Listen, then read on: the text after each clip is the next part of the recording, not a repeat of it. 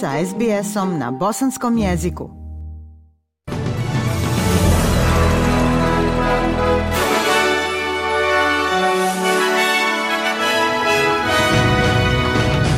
U današnjim vijestima poslušajte. Savezna vlada otkriva način podjele 2 milijarde dolara socijalnog stambenog fonda. Senatorica McKenzie pozdravlja poziv opozicionog lidera da senator Van podnese ostavku.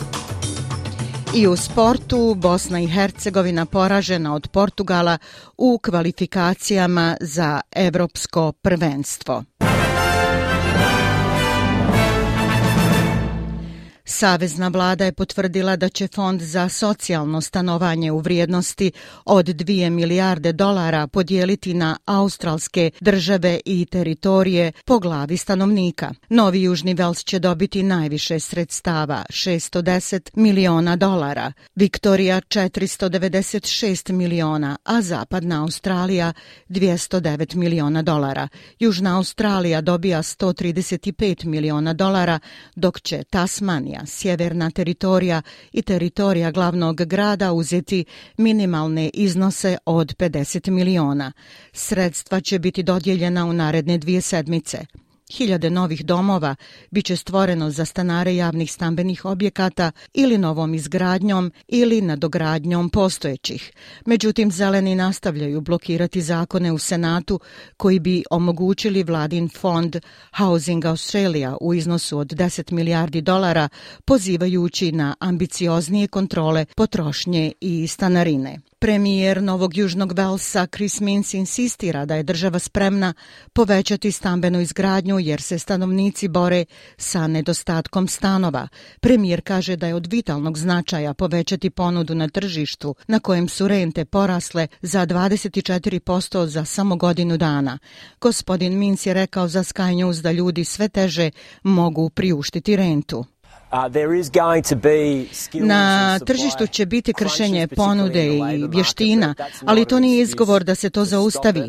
Uvjeravali su me uh, programeri i građevinci u Novom Južnom Velsu da postoji dovoljno privatnog kapitala spremnog za ulaganja. Mi smo u Novom Južnom Velsu bili sputani planiranjem režima od strane države i lokalne vlade koji zaustavljaju urbanu konsolidaciju posebno u Sidneju, što stavlja ogroman pritisak na stambeno tržište. Ministrica za autohtone Australce Linda Burney kaže da je glas pri parlamentu praktično rješenje za pitanja koja nesrazmjerno pogađaju autohtone Australce, obzirom da je podrška referendumu za glas prošle sedmice prvi put pala ispod 50%. Ministrica Burney je odbacila ideju da je glas samo simboličan, rekavši da vjeruje da će Australci podržati glasanje za. Ona je za Sky News rekla da će savjetodavno tijelo Vojsa ponuditi praktična rješenja za niz pitanja, uključujući stanovanje, zdravstvo i zapošljavanje. But you know, when you think about it, Kada razmislite o tome šta mi ovdje govorimo, kažemo da uspostavljamo savjetodavno tijelo koje će davati praktične savjete stvarima kao što su zdravlje, obrazovanje i stanovanje, stvari koje neproporcionalno utiču na prve narode i nema ničega radikalnog u tom prijedlogu koji svakim danom ima apsolutno smisla za sve više Australaca. Senatorica Nationalsa Bridget McKenzie opisala je akcije poduzete protiv senatora Davida Vena nakon optužbi za neprimjereno ponašanje kao odlučujuće. Senator Ven je dao ostavku u liberalnoj stranci dan prije nego što je komisija trebala raspravljati o optužbama da je neprimjereno dotakao nezavisnu senatoricu Lidiju Torp i bivšu liberalnu senatoricu Amandu Stoker. U pismu predsjedniku Liberalne partije Viktorije Gregu Mirabeli, senator Ven je rekao da ne može ostati član stranke koja, navodimo, gazi samu premisu na kojoj se temelji naš pravosudni sistem. Senatorica McKenzie je za ABC program Insiders rekla da je vođa opozicije Peter Dutton napravio ispravnu odluku zatraživši ostavku Vena. Um, Nakon druge optužbe, lider liberala izbacio je ovog senatora iz stranke. Mislim da je bilo mnogo uh, nečujnog klicanja po kancelarijama parlamenta zbog te odlučne akcije.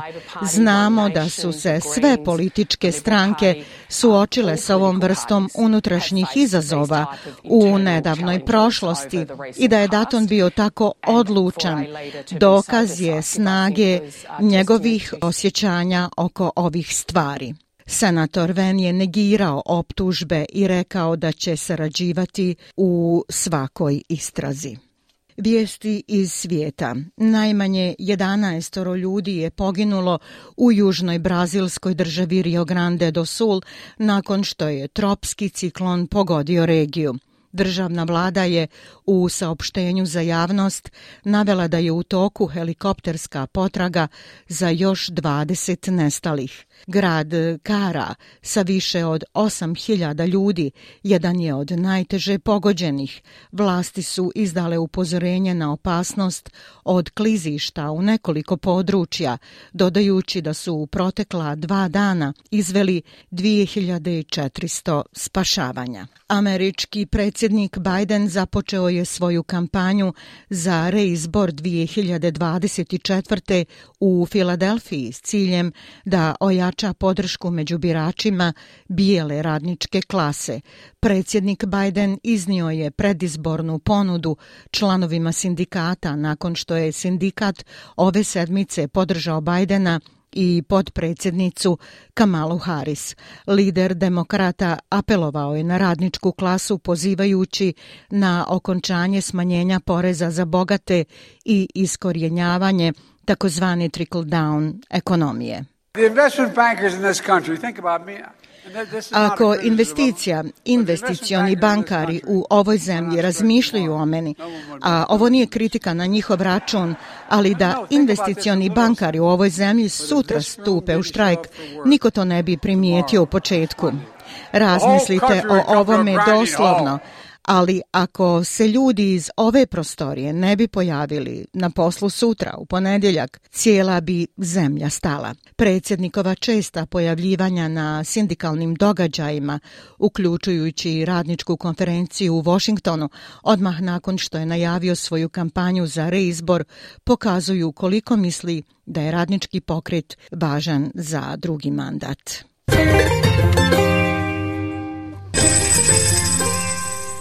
Prema kursnoj listi, australski dolar danas vrijedi 0,68 američkog dolara, 0,63 eura, 0,53 britanske funte te 1,23 bosanske konvertibilne marke.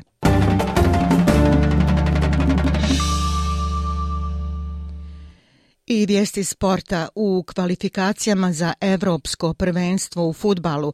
Portugal je porazio Bosnu i Hercegovinu. Portugal je u utakmici protiv Bosne i Hercegovine pobjedio rezultatom 3 naprama 0 u okviru trećeg kola kvalifikacija. Reprezentacija Bosne i Hercegovine naredni meč igra 20. juna u Zenici protiv Luksemburga. Portugalci će isti dan gostovati na Islandu.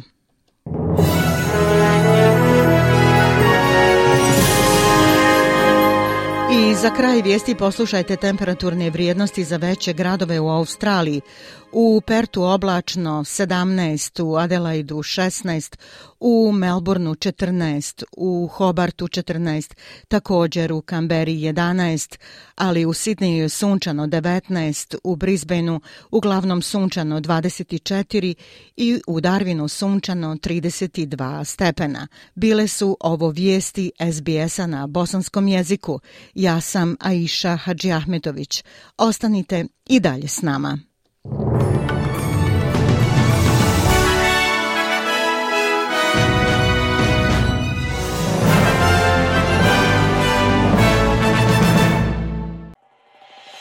SBS na bosanskom. Podijelite naše priče preko Facebooka.